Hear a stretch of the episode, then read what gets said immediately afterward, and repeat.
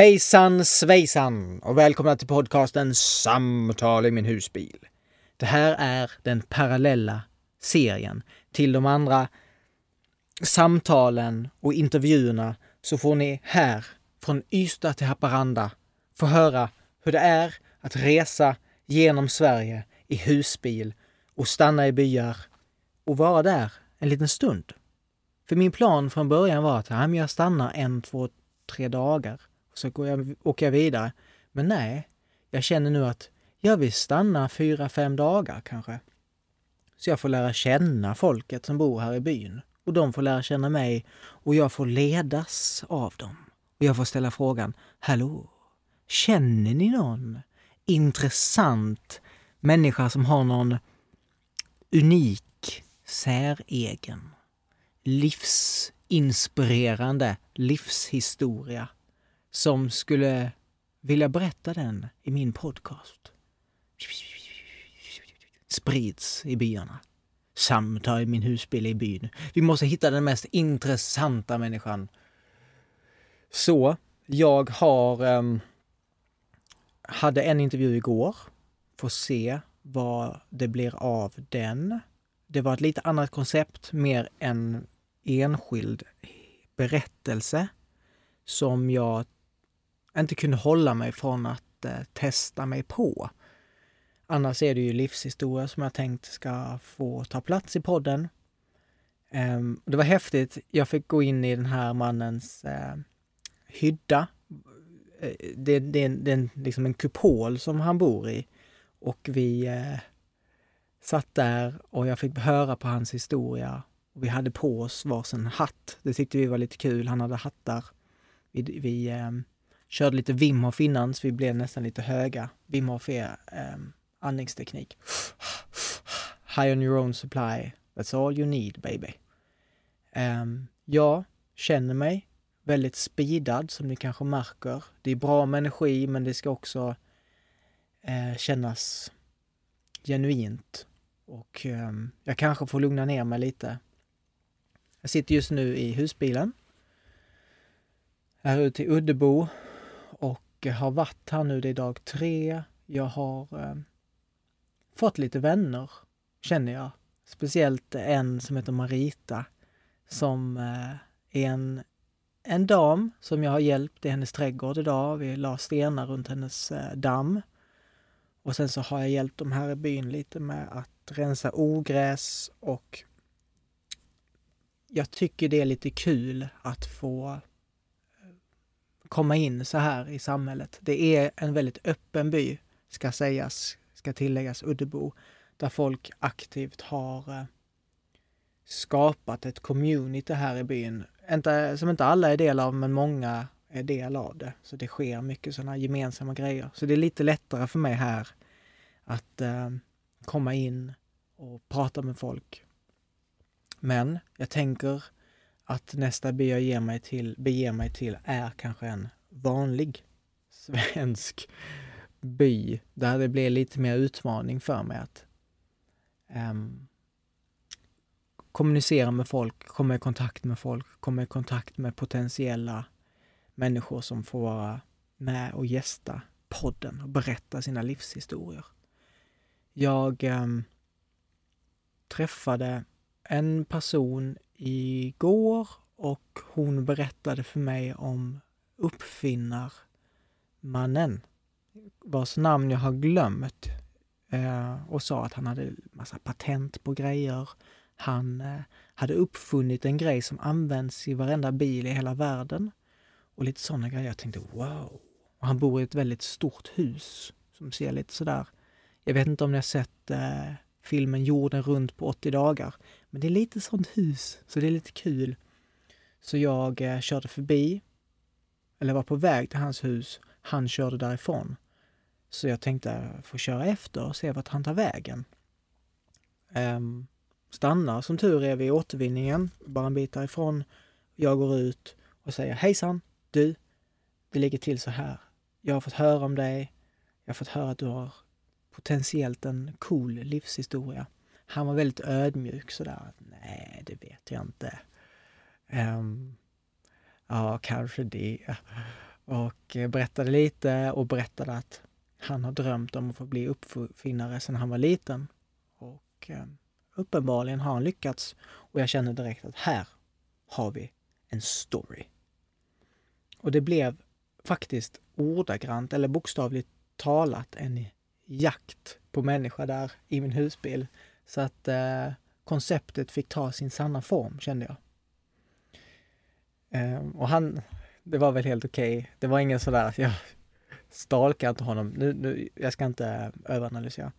Eh, ja, vad, vad vill jag säga? Jag, jag mår väldigt, väldigt bra ska jag säga. Jag känner att jag är ute på ett äventyr.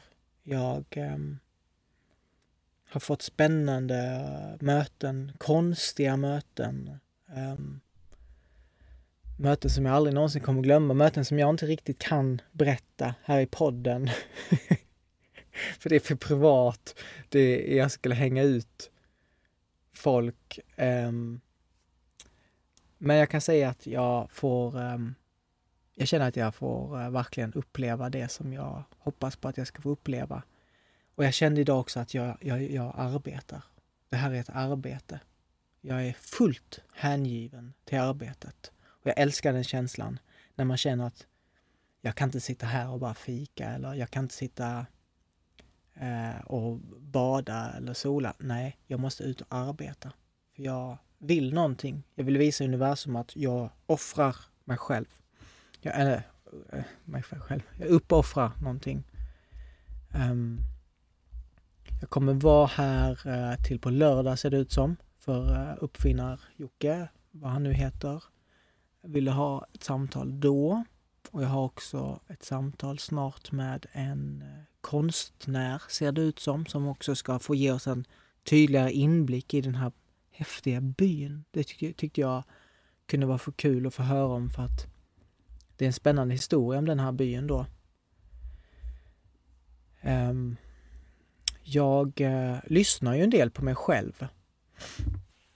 Som jag aldrig har gjort förut riktigt. Och de få gånger jag har lyssnat på mig själv så har jag känt, åh fy usch, vad är det där? Man, man känner självförakt, man är självkritisk och har väl genom två års skådespel och teater fått utmana sig och träna på det där och speciellt nu sen jag började med podden att fått lyssna på mig själv och eh, kände nu senast för någon dag sedan eller i förrgår eller vad det var när jag lyssnade på mig själv så kände jag eh, till och med kärlek. Jag kände till min röst då, jag kände men oj vilken, vilken fin människa kände jag och jag kände att det fanns en distans till mig själv där jag lyssnade på mig själv, inte som att, eh, ja men det är den, eh, där är Jonas, jag är självkritisk mot Jonas, eh, utan snarare, eh, där är min bästa vän. Och jag respekterar honom, och jag tycker om honom. Det var, det var en, ändå en härlig grej eh, som har uppstått bara för att jag har börjat lyssna på mig själv. Um, Mm. Jag... Eh, jag känner att, jag, som sagt, jag känner mig hängiven till arbetet och eh, har väl fått en liten insikt om det där att eh, jag har skrivit här att nolla mig själv.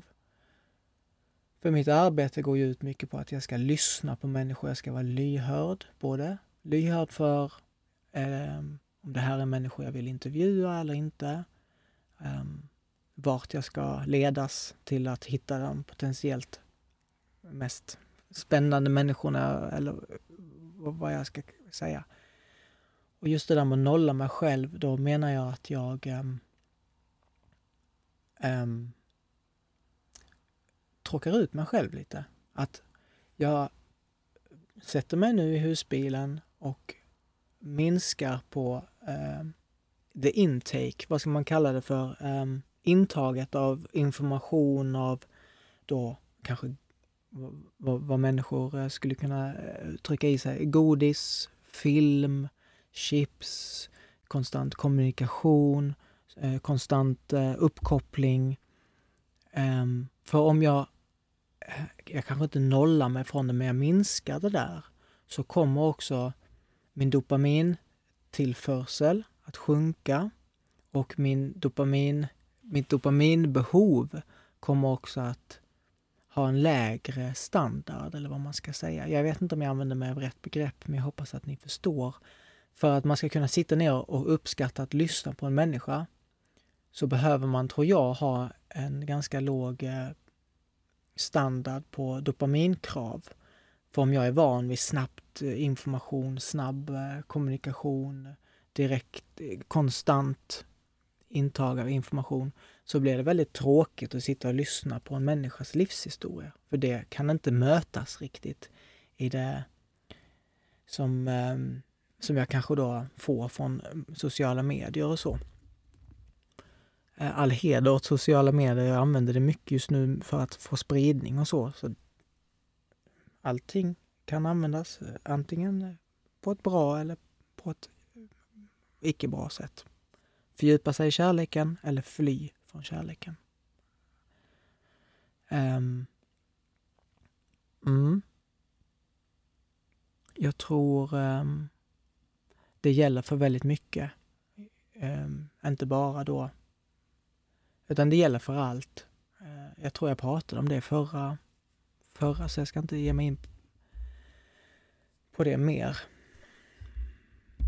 Som sagt, jag klipper inte i de här avsnitten utan jag bara låter det få vara kanske lite såna här mellansteg där jag funderar på vad jag vill säga och det får vara helt okej, okay, tänker jag.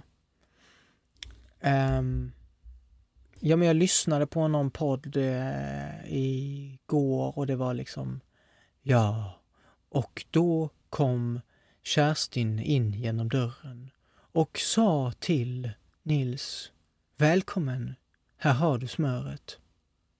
Och Nils bredde smöret på mack Alltså att det blev liksom så himla stelt och seriöst. Och jag kände liksom att eh, Ja men eh, vad fint kanske att få ha en podd där det känns väldigt avslappnat. Eh, att eh, här får man lyssna på en människa som kanske då inte klipper bort allting eller kanske inte är så himla rak och allting ska vara så perfekt. Jag själv kan uppskatta det och hoppas väl att de som, ni som lyssnar också kan tycka att det är lite härligt. Um, jag har också tänkt på det här med det jag gör just nu, att jag delar den här historien. Eh, det är en form av att jag tar plats. Och det är någonting som vi människor ofta känner att, men har jag den rätten att få ta så mycket plats? Att uttrycka mig kring saker och lägga ut avsnitt och liksom säga till folk, ja men lyssna på mig, jag, jag har massa att komma med eller vad man får för sig. Um, och vill väl eh, säga att ja, jag har rätt att ta plats. Alla andra har också rätt att ta plats. Det, det är en sån lärdom som jag har fått från skådespelet. Eh, och det är en viktig lärdom och, och få att jag har rätt att ta plats. Man kan känna med många människor eh, i sociala sammanhang att de känner att de inte riktigt har rätt att ta plats så att när de pratar så är det nästan en förlåtelse. Eh, det är nästan att de ber om ursäkt för att jag existerar. Man säger någonting men det man hör i ord och kroppsspråk så är det som att förlåt för att jag existerar, förlåt för att jag tar plats. Um, och det är någonting som jag tror många av oss måste jobba med. Alltså på riktigt. Det är allvarligt att arbeta med det där. Det är ingenting som vi kan leva med resten av våra liv. Eh, utan vill vi må bra och leva ett spännande och intressant liv så måste vi våga ta plats på olika sätt, i olika format. Um, jag hörde någon som pratade så himla snabbt, pratade så himla snabbt och sa massa grejer så himla snabbt och, då, jag, jag, och jag kände att det är också en slags förlåtelse för att oj, förlåt för att jag tar plats, jag ska säga det snabbt så jag inte tar eran tid. Ehm, så är man, pratar man väldigt snabbt så kan man ju reflektera över det. Pratar jag kanske väldigt snabbt för att jag ber, ber om ursäkt för att jag tar någons tid? Ehm. Jag träffade ju, har blivit vän med Marita här då och ehm, fick höra en liten berättelse om hennes liv. Även fast jag inte poddar så frågar jag ändå människor om deras liv och livshistorier och berättelser. Och eh, hon berättade en berättelse om att eh, hon hade blivit väldigt utfryst i vuxen ålder på sin arbetsplats. Och eh, ja, jag fick påminnas om en sak som min ehm, teaterlärare sa till mig när jag slutade i Örnsköldsvik. Thomas, min teaterlärare. Han sa till mig när vi hade mentorsamtal, han sa, han sa inte så mycket, utan det jag, det, det jag minns från samtalet och nästan det enda han sa var Du vet. Du vet, Jonas. Och jag var lite förvirrad där. Vad menar du, du vet? Sen så gick det några dagar och år och ja, man har fått fundera på det där mycket. Och jag blev mer och mer och mer och mer tacksam för att han bara sa du vet. För det han menade, tror jag, var det är du som sätter värde på dig själv. Det är bara det som räknas. Andra människor kan säga elaka saker eller ha konstiga uppfattningar och idéer om dig, men det är du som sätter värde på dig själv. Det kommer upp mycket tankar när jag säger det. Jag minns en eh, dokumentär om eh, Josef Fares som sa att komplimanger är det värsta vi kan få. För om vi blir beroende av komplimanger, om vi blir beroende av bekräftelse, eh, så är det när vi får bekräftelse och vi bygger upp vår självförtroende på andra människors bekräftelse så är det så skört. För så fort vi inte får den bekräftelsen, då, är vi, då blir vi osäkra.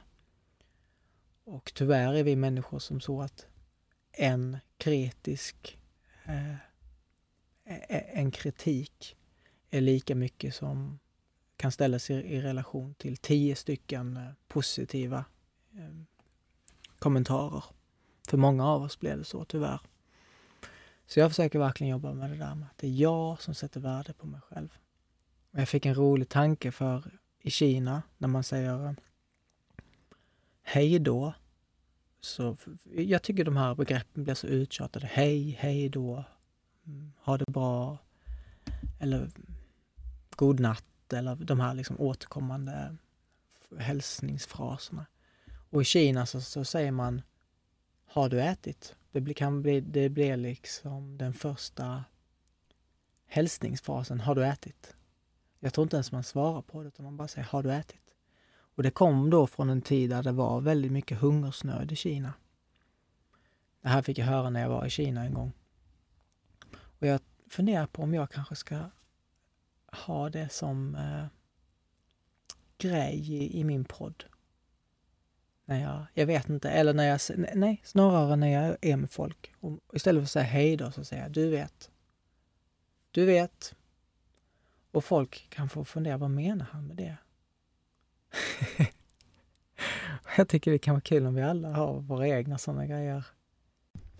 Avslutningsvis så ska ni få höra hur det lät när jag gick hem till min nya vän Charlie som är 13 år gammal och vi läste upp första kapitlet från hans skräcknovell som finns på Storytel. Okej, nu, film, nu spelar vi in. Jag sitter här med Charlie. Ja. Från, hej. Hej Charlie, från Uddebo. Och vi träffades ju för några dagar sedan. Ja. Jag kom förbi ert hus och frågade om det fanns en bra plats att ställa husbilen på. Och eh, sen så har vi träffats en dag till igår och du berättade för mig att jag har gjort en eh, novell och vunnit en tävling med den och nu så ska jag snart läsa upp den. Ja, och den här, när man vann den här tävlingen då eh, så kom novellen, boken, upp på Storytel. Ja, och Bookbit. Hur gammal är du? Jag är 12 och ska snart fylla 13, men jag skrev den här när jag var 10. Okej, åh vad spännande. Och jag får lov att eh, spela rollen som koman. Eller- Som, Som koman? Eller är det den rollen jag ska spela? nej. Vad heter min karaktär? Eller det vet vi kanske inte. Nej. Han har inget namn ännu. Ja, så vi ska läsa upp den tillsammans. Vi kommer inte läsa upp hela. Vi kommer läsa upp eh, första kapitlet, Mm. kan man säga. Det är inte så många sidor, eftersom det är en novell så är den rätt kort. Det är sammanlagt 18 sidor, men alla är det inte text på. Jag tror att det blir text på sammanlagt ungefär 11 sidor. Mm. Och vad heter eh, boken? Den här boken heter Rött som blod. Och man kan hitta den var? Man kan hitta den på Storytel och på Bookbit. Snyggt. Är du redo? Eh, jag är redo. Jag är också redo. Rött som blod. Jag låg i min säng. Klockan hade just slagit nio. Mamma, pappa och syrran hade redan åkt till mormor och morfar. Jag hade haft feber i natt så jag kunde inte följa med. Helt plötsligt hörde jag hur dörren öppnades med ett knarrande ljud. Jag trodde det var pizzabudet som glömt att knacka, men jag hade fel. In i mitt rum kom en man med en kniv i handen. Kniven var röd av blod. Han sa med hes och hetsig röst. Kom! De är ute efter dig! Vilka då? undrade jag. De rödögda. sa han. Vilka är de rödögda? frågade jag. Jag förklarar mer sen. Min bil står utanför. Jag tittade ut genom fönstret och då såg jag ett par röda ögon en bit utanför fönstret. Men det var omöjligt. Vi bor på fjärde våningen, Kom! Spring! Skrek han. Jag sprang det, fortsa- det fortaste jag kunde. Vi sprang ut och hoppade in i hans svarta skåpbil. Bilen stack iväg i 110 km på 50-vägen. Han gav mig en kastkniv. Kasta! sa han. Va? sa jag. Jag vill absolut inte döda någon oavsett om de vill döda mig, Kasta eller dö! sa han. Jag vände mig om och såg till min fasa vi var förföljda, förföljda av kanske tusen röda ögon. Jag vänder mig om igen mm, för att säga det till honom, men hans svarta dräkt var inte längre svart, den var röd av blod. Och jag såg en, och jag såg ett stort sår vid hans hals. Sen svimmade jag av. Det är allt jag kan minnas. Nu kan jag inte röra en enda kroppsdel. Jag kan höra mina oroliga föräldrar, föräldrar och min syster prata bredvid min säng. Det var första kapitlet i den här boken. Nästa kapitel heter eh, Koman. Jag skulle döpt den till Koman egentligen, men eftersom det här är en slags fantasiberättelse och det inte är som andra upplevt den så är det jag till en annan sak för att det inte ska förväxlas. Spännande. Ja, så jag hoppas gärna att ni vill eh, läsa den. Den är inte så lång, man kan läsa den bara på några minuter. Ah. Det är lite humor i nästa kapitel och det är inte så långt. Snyggt. Tack så mycket Charlie. Ja, tack så mycket. Tack så mycket för att du eh, ville lyssna på det här avsnittet. Jag hoppas att det gav någonting. Ehm, ja, det var det hela, som de säger i Danmark. Och avslutningsvis, glöm inte och akta er för varelserna med röda ögon. Jag vet inte mer, men jag ska in nu på direkten och fortsätta läsa kapitel 2 i novellen Rött som blod. Tack!